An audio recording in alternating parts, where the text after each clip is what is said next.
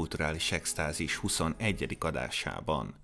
És minden új belépőt is köszöntök. A podcast csatornámon Mosolygó Miklós vagyok, a szerkesztő, műsorvezető és tartalomfejlesztési igazgató egy személyben. Ez egy igazi one-man show. Illetve a boomereknek üzenem, hogy köszönöm, hogy megtisztelt lájkjával.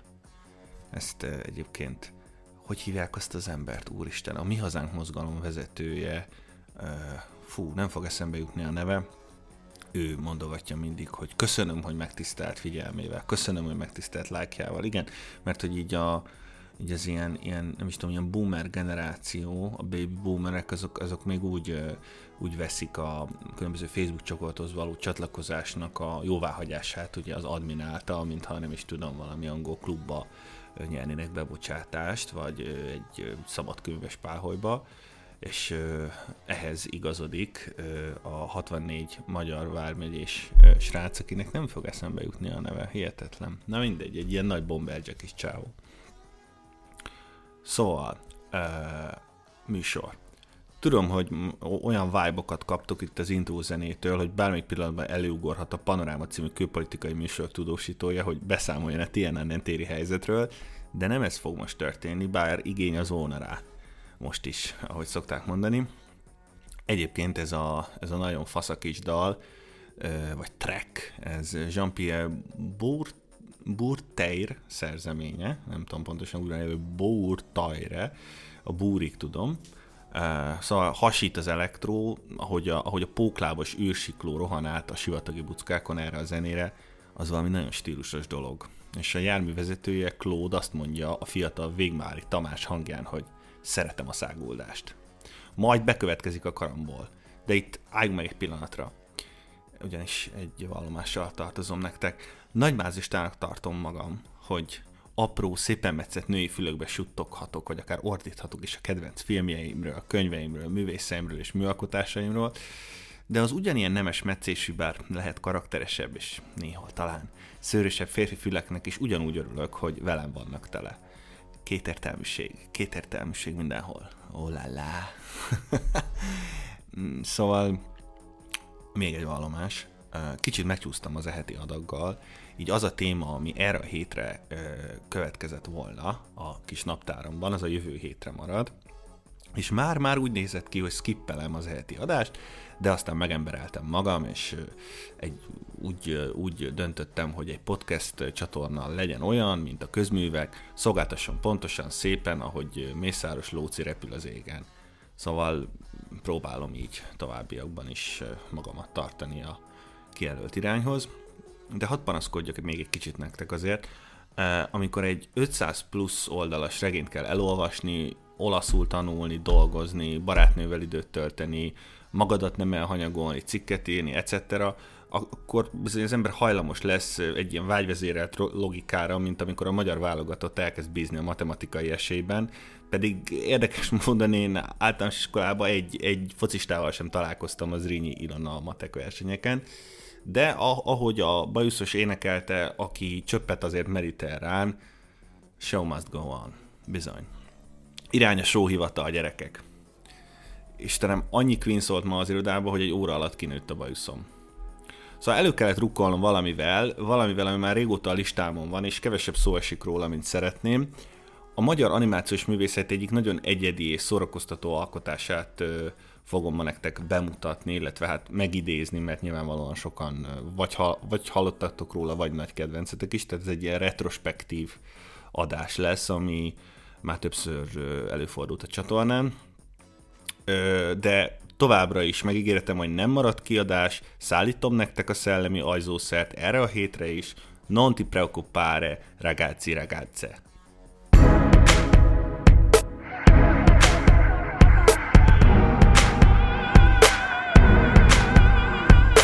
Ez itt a kulturális extázis. Szórakoztató elmélkedések a kultúráról.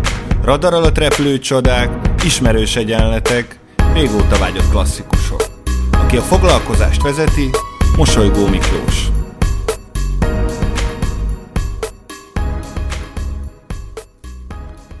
És most fellebbentem a fátylat a mai uh, műsorunk témájáról. Ebben az epizódban az Idő Urai című francia-magyar koprodukcióban készülő rajzfilmről fogok mesélni nektek. De előtte uh, azt gondolom, hogy megérdemli a magyar animációs ipar azt, hogy néhány szót szóljak róla, és ezen belül is a Pannonia Filmstúdióról egy multidézőt uh, pöttyentsek ide. Magyarországon a rajzfilmgyártás jó, jó ideig egyet jelentett a rövid reklámfilmek készítésével. A 40-es évek végén már, már a Mafilm telepén egy, egy párfős osztály foglalkozott ilyen jellegű munkával, és már ott is olyan nagy, nagy nevek dolgoztak, mint például Macskási Gyula, aki már a háború és az államosítás előtt is reklámfilmek készítésével foglalkozott. Érdekes egyébként, hogy többek között ö, azzal a Kasovic félix dolgozott együtt, aki a Matthew Kasovicnak a nagyapja, akiről tudjuk, hogy a, például a Gyűlölet című filmet rendezte, illetve sok más francia és nemzetközi produkcióban is szerepelt, mint színész, például vagy mint ugye rendező. Ugyanis a fia, tehát a Kasovic Félix fia és a Matthew Kasovicnak az apukája 56-ban dobbantott Magyarországról, és Pierre Kasovic néven szerepelt aztán, mint filmrendező és forgatókönyvíró. És hát a kis Matthew nevéről később lehullott az ékezet. De visszatérve a Pannonia Filmstúdióra, a 60-as évek végén lépett felnőtt korba a magyar animációs film.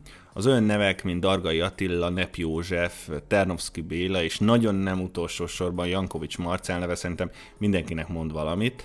1973-ban a János Vitézzel megszületik az első egész estés magyar rajzfilm is, sőt a magyar animáció 1981-ben Oscar díjjal is gazdagodik, Rófusz Ferenc a, a Légy című alkotása révén.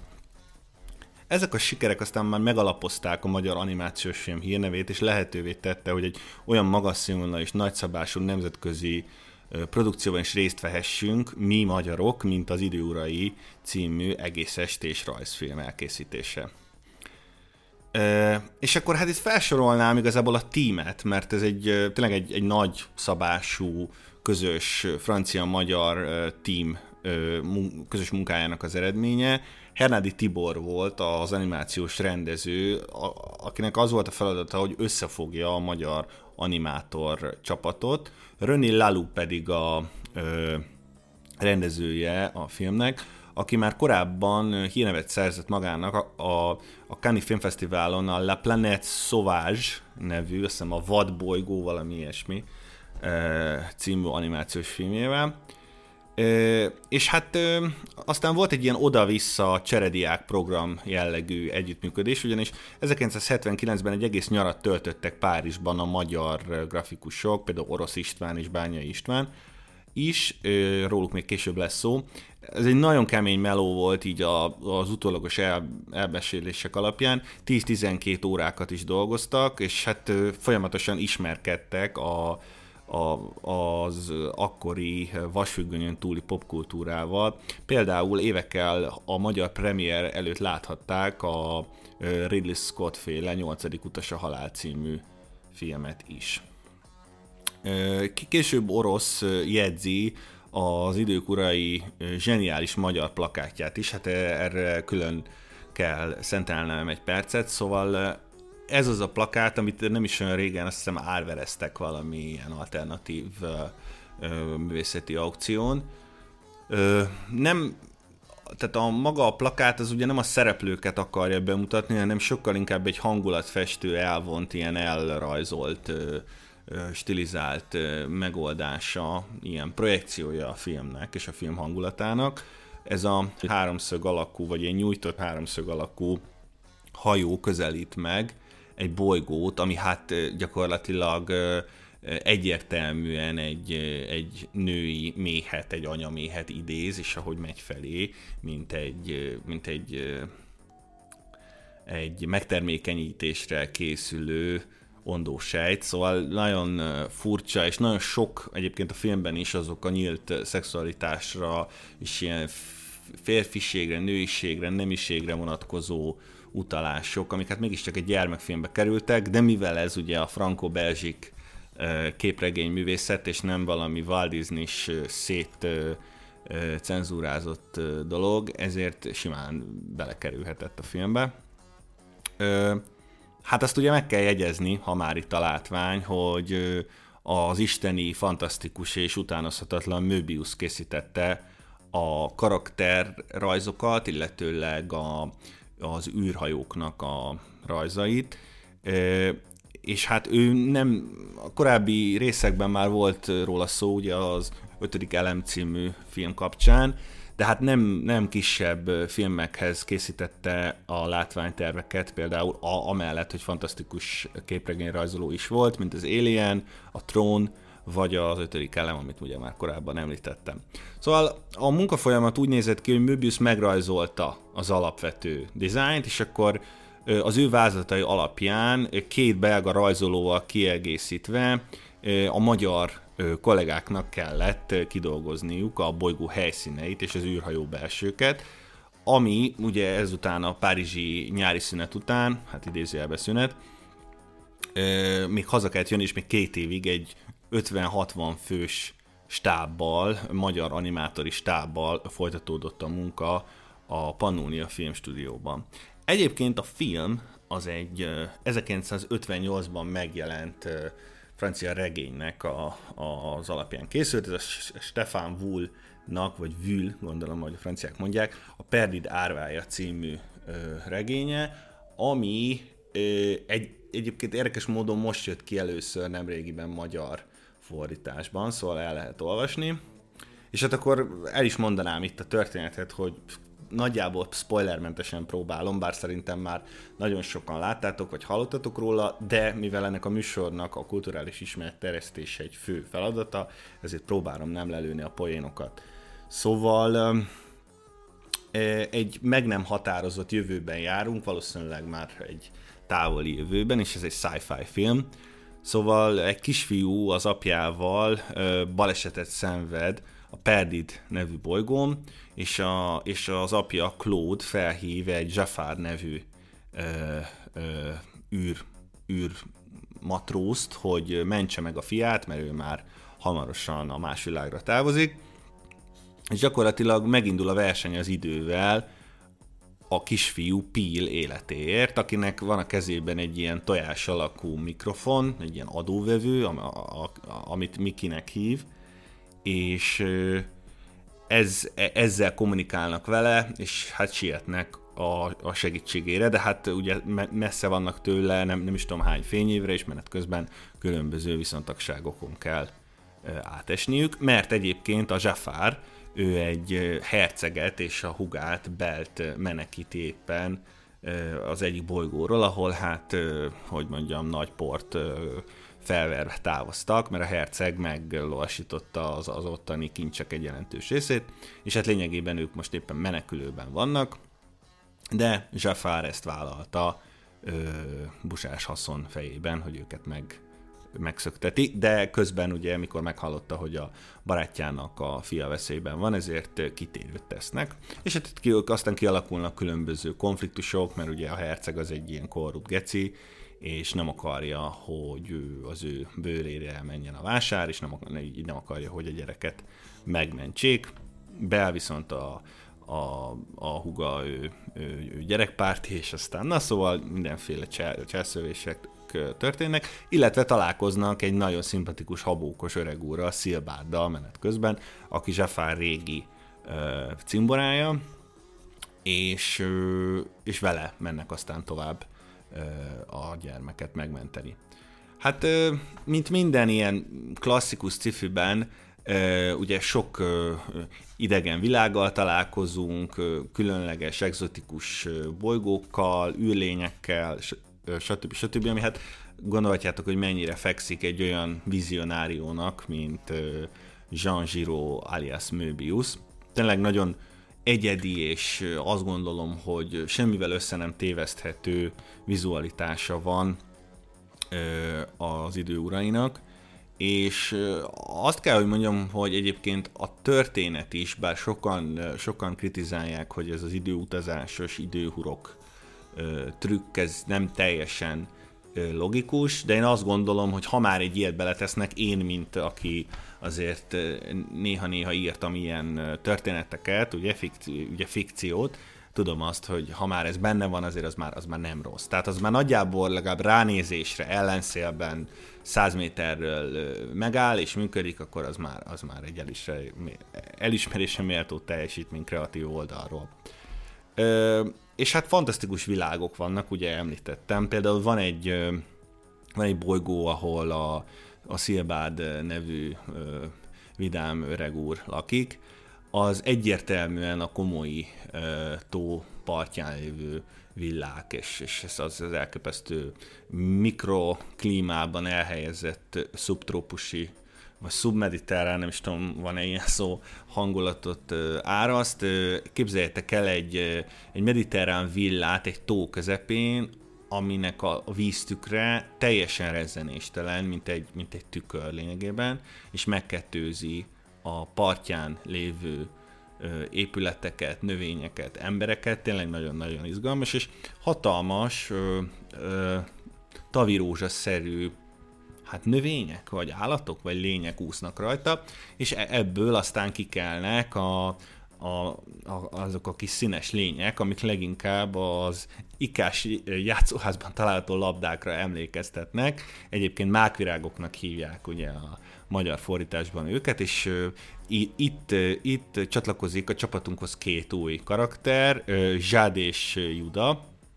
Ők végül is manók, ilyen gondolatolvasó manók, akiknek aztán hát sok vesződtsége származik abból, hogy ugye belelátnak az emberek fejébe. Ezek, ezek aztán, tehát később ez a, ez a képességük tevékenyen szerepet vállal, vagy szerepet vállal igen a, a cselekmény alakításában is, illetve van egy másik bolygó is, ahol az arc nélküliek laknak. Ezek hatalmas, ilyen görög szoborszerű ö, testek hatalmas angyalszárnyakkal, akiknek nincsen arca, és hát ez itt egyértelmű utalás így a, a, akár a mai társadalom fogyasztói konformizmusára, vagy a, még akár a fogyasztói társadalom előtti konformizmusra is, mert aztán később kiderül, hogy hát ezek, a, ezek az arc nélküliek, ennyi spoiler talán belefér, a műsorba. Valódi emberek voltak valaha, csak aztán ez a nagy egységesítő organizmus, ez magából olvasztotta őket. Szóval, hát ilyen fantasztikus helyeken járunk, és azt kell, hogy mondjam, hogy megint csak magasztalni tudom a, a francia belga képregény művészetet, mert tényleg azok a álomszerű világok, azok a tényleg semmihez nem hasonlítható dizájnok, például csak vegyünk egy példát, hogy, hogy, a, hogy az űrhajók, azok, azok nem úgy néznek ki, mint egy, mint egy Stargate-ben, vagy, vagy bármilyen, vagy, vagy akár a Star Wars-ban, amik tényleg egy, azt gondolom, hogy viszonylag hihető, eh, még akár egy, egy, egy gépészmérnöknek is első látásra nem lehetetlen eh, szerkezeteknek tűnnek. Na hát ugye Möbiusnál ilyenről szó sincsen, ezek ilyen levegőben úszó gondolák, és ilyen hatalmas üvegbúrák, mint egy darts nyíl úgy suhannak a, a végtelen űrben. Elképesztően gyönyörű, ö, tényleg ö, ö, tárgy ö, design van ebben a, ebben a filmben nem, nem beszélve a ruhákról, a különböző eszközökről, használati tárgyakról, jelmezekről, tényleg annyira különleges, és, és akkor még ugye nem is említettem a frölonokat, akik ugye az egyik fő hát szörnyei a, a filmnek, akik aztán meglékelik szegény kis Pil mert egyébként az emberek agyveleje a számukra olyan, mint a mint a kaviár az ember számára. Szóval, hogy egy, egyszerre van ennek a rajzfilmnek egy olyan hangulata, ami már azt gondolom, hogy a felnőtt animációs film kategóriába utalja, másik oldalról viszont vannak azok a ö, gyere, gyermeki, vagy gyermeteg akár karakterek és jelenetek, mint például a két gondolatolvasó Manó, aki miatt aztán annó még a, a filmvilágtól egy nagyon lehúzó kritikát kapott a, a film, hogy hát, hát, hogy hiába ez a vizuális orgia, hogyha a karakterek maguk azok üres és semmit mondó Walt Disney figurák. Ami szerintem azért erős túlzás, és, és azt gondolom, hogy utóbbi ö, elmúlt, nem is tudom, most már 30-40 év az igazolta, hogy ez nem igaz, vagy nem, ez nem volt egy igazságos kritika a részükről, de mindenképpen ö, ö, megosztó volt a maga idejében a film, és a, azt gondolom, hogy most már egyértelműen kulcs státusba jutott. Azért, mert egy ilyen megfogalmazhatatlan, nemevilági, semmi máshoz nem hasonlítható, kicsit delíriumos, kicsit álomszerű, kicsit ilyen ópium mámorban úszó ö, vizualitása van a filmnek, amit tényleg, ha az ember egyszer lát, akkor nem, nem felejti el. Például a, a férfiak és női karakterek között sokszor van egy androgyn ö, ö, átmenet, amit nem arra kell gondolni, hogy itt valami drag queenek rohangálnak fels alá, hanem, hanem tényleg egy ilyen nagyon stílusos, tényleg talán nem is emberi, hanem egyfajta ilyen félisteni külsővel ruházta őket fel Möbius. De meg kell, hogy mondjam, hogy nagyon büszkék lehetünk erre mi, mi magyarok, mert tényleg nagyon tevékenyen részt vettünk ebben a, ebben a produkcióban, és hát bizonyítottuk, hogy nagyon ö, magas színvonalú munkát tudunk végezni. Hát ezt egyébként utólag, miután sajnos azt hiszem 2015-ben megszűnt a Pannonia Filmstúdió, azért ezek, a, ezek az animátorok vannak a világban erre-arra. Ha belegondoltok, a ö, Nickelodeon egyik ö, fő húzó neve volt, vagy hát még most is az Gábor Csupó, ugye, Csupó Gábor, akinek ugye a Ragrecet köszönhetjük, illetőleg azt hiszem, hogy a Simpson családban is részt vett. Szóval, hogy ezek nagyon izgalmas munká, munkáink, és ha végig gondoljuk, ugye ugye a Dargai Attilának ott a Vuk, ott van a Szafi, ott van az erdő kapitánya, ott van a Vilia Veréb, Szóval ezek azt gondolom, hogy nem hazabeszélek, vagy nem vagyok elfogult, ha azt mondom, hogy ezek világszínvonalú munkák, és mindez a tehetség egy megfelelő ö, menedzsmenttel és egy megfelelő szervezéssel tényleg egy ilyen maradandó, hát azt gondolom, hogy mondhatjuk, hogy különleges alkotás sokak szerint remek művet hozott a tető alá.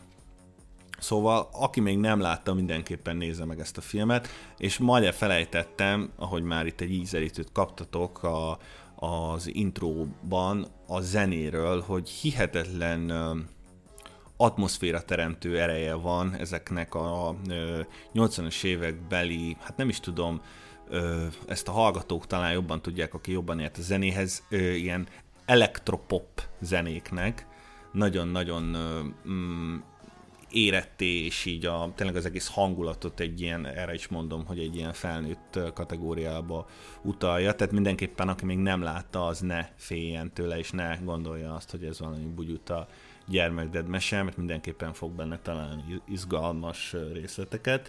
Különös tekintettel arra a csavarra, a nagy fordulatra a, a végén, amit nem fogok elárulni, de maradjunk annyiban, hogy köze van ehhez a ö, téridő kontinuum ö, meg ö, zargatásához, vagy meg, megtekeréséhez a történetben. Hát ezt szerettem volna elmondani most nektek. Jövő héten is lesz kulturális extázis, most már tényleg azzal a ö, témával, amivel készültem e hétre. Van Instagram oldalunk, Facebook oldalunk, kövessetek be. Fent vagyunk már Spotify-on, Google Podcaston és Apple Podcaston is. Ö, mindenképpen nézzétek meg az Instagram oldalt, mert ott ö, gazdag illusztrációval próbálom az elmondottakat egy kicsit kiegészíteni és felpimpelni. Köszönöm, hogy velem voltatok, további szép estét, ciao, sziasztok!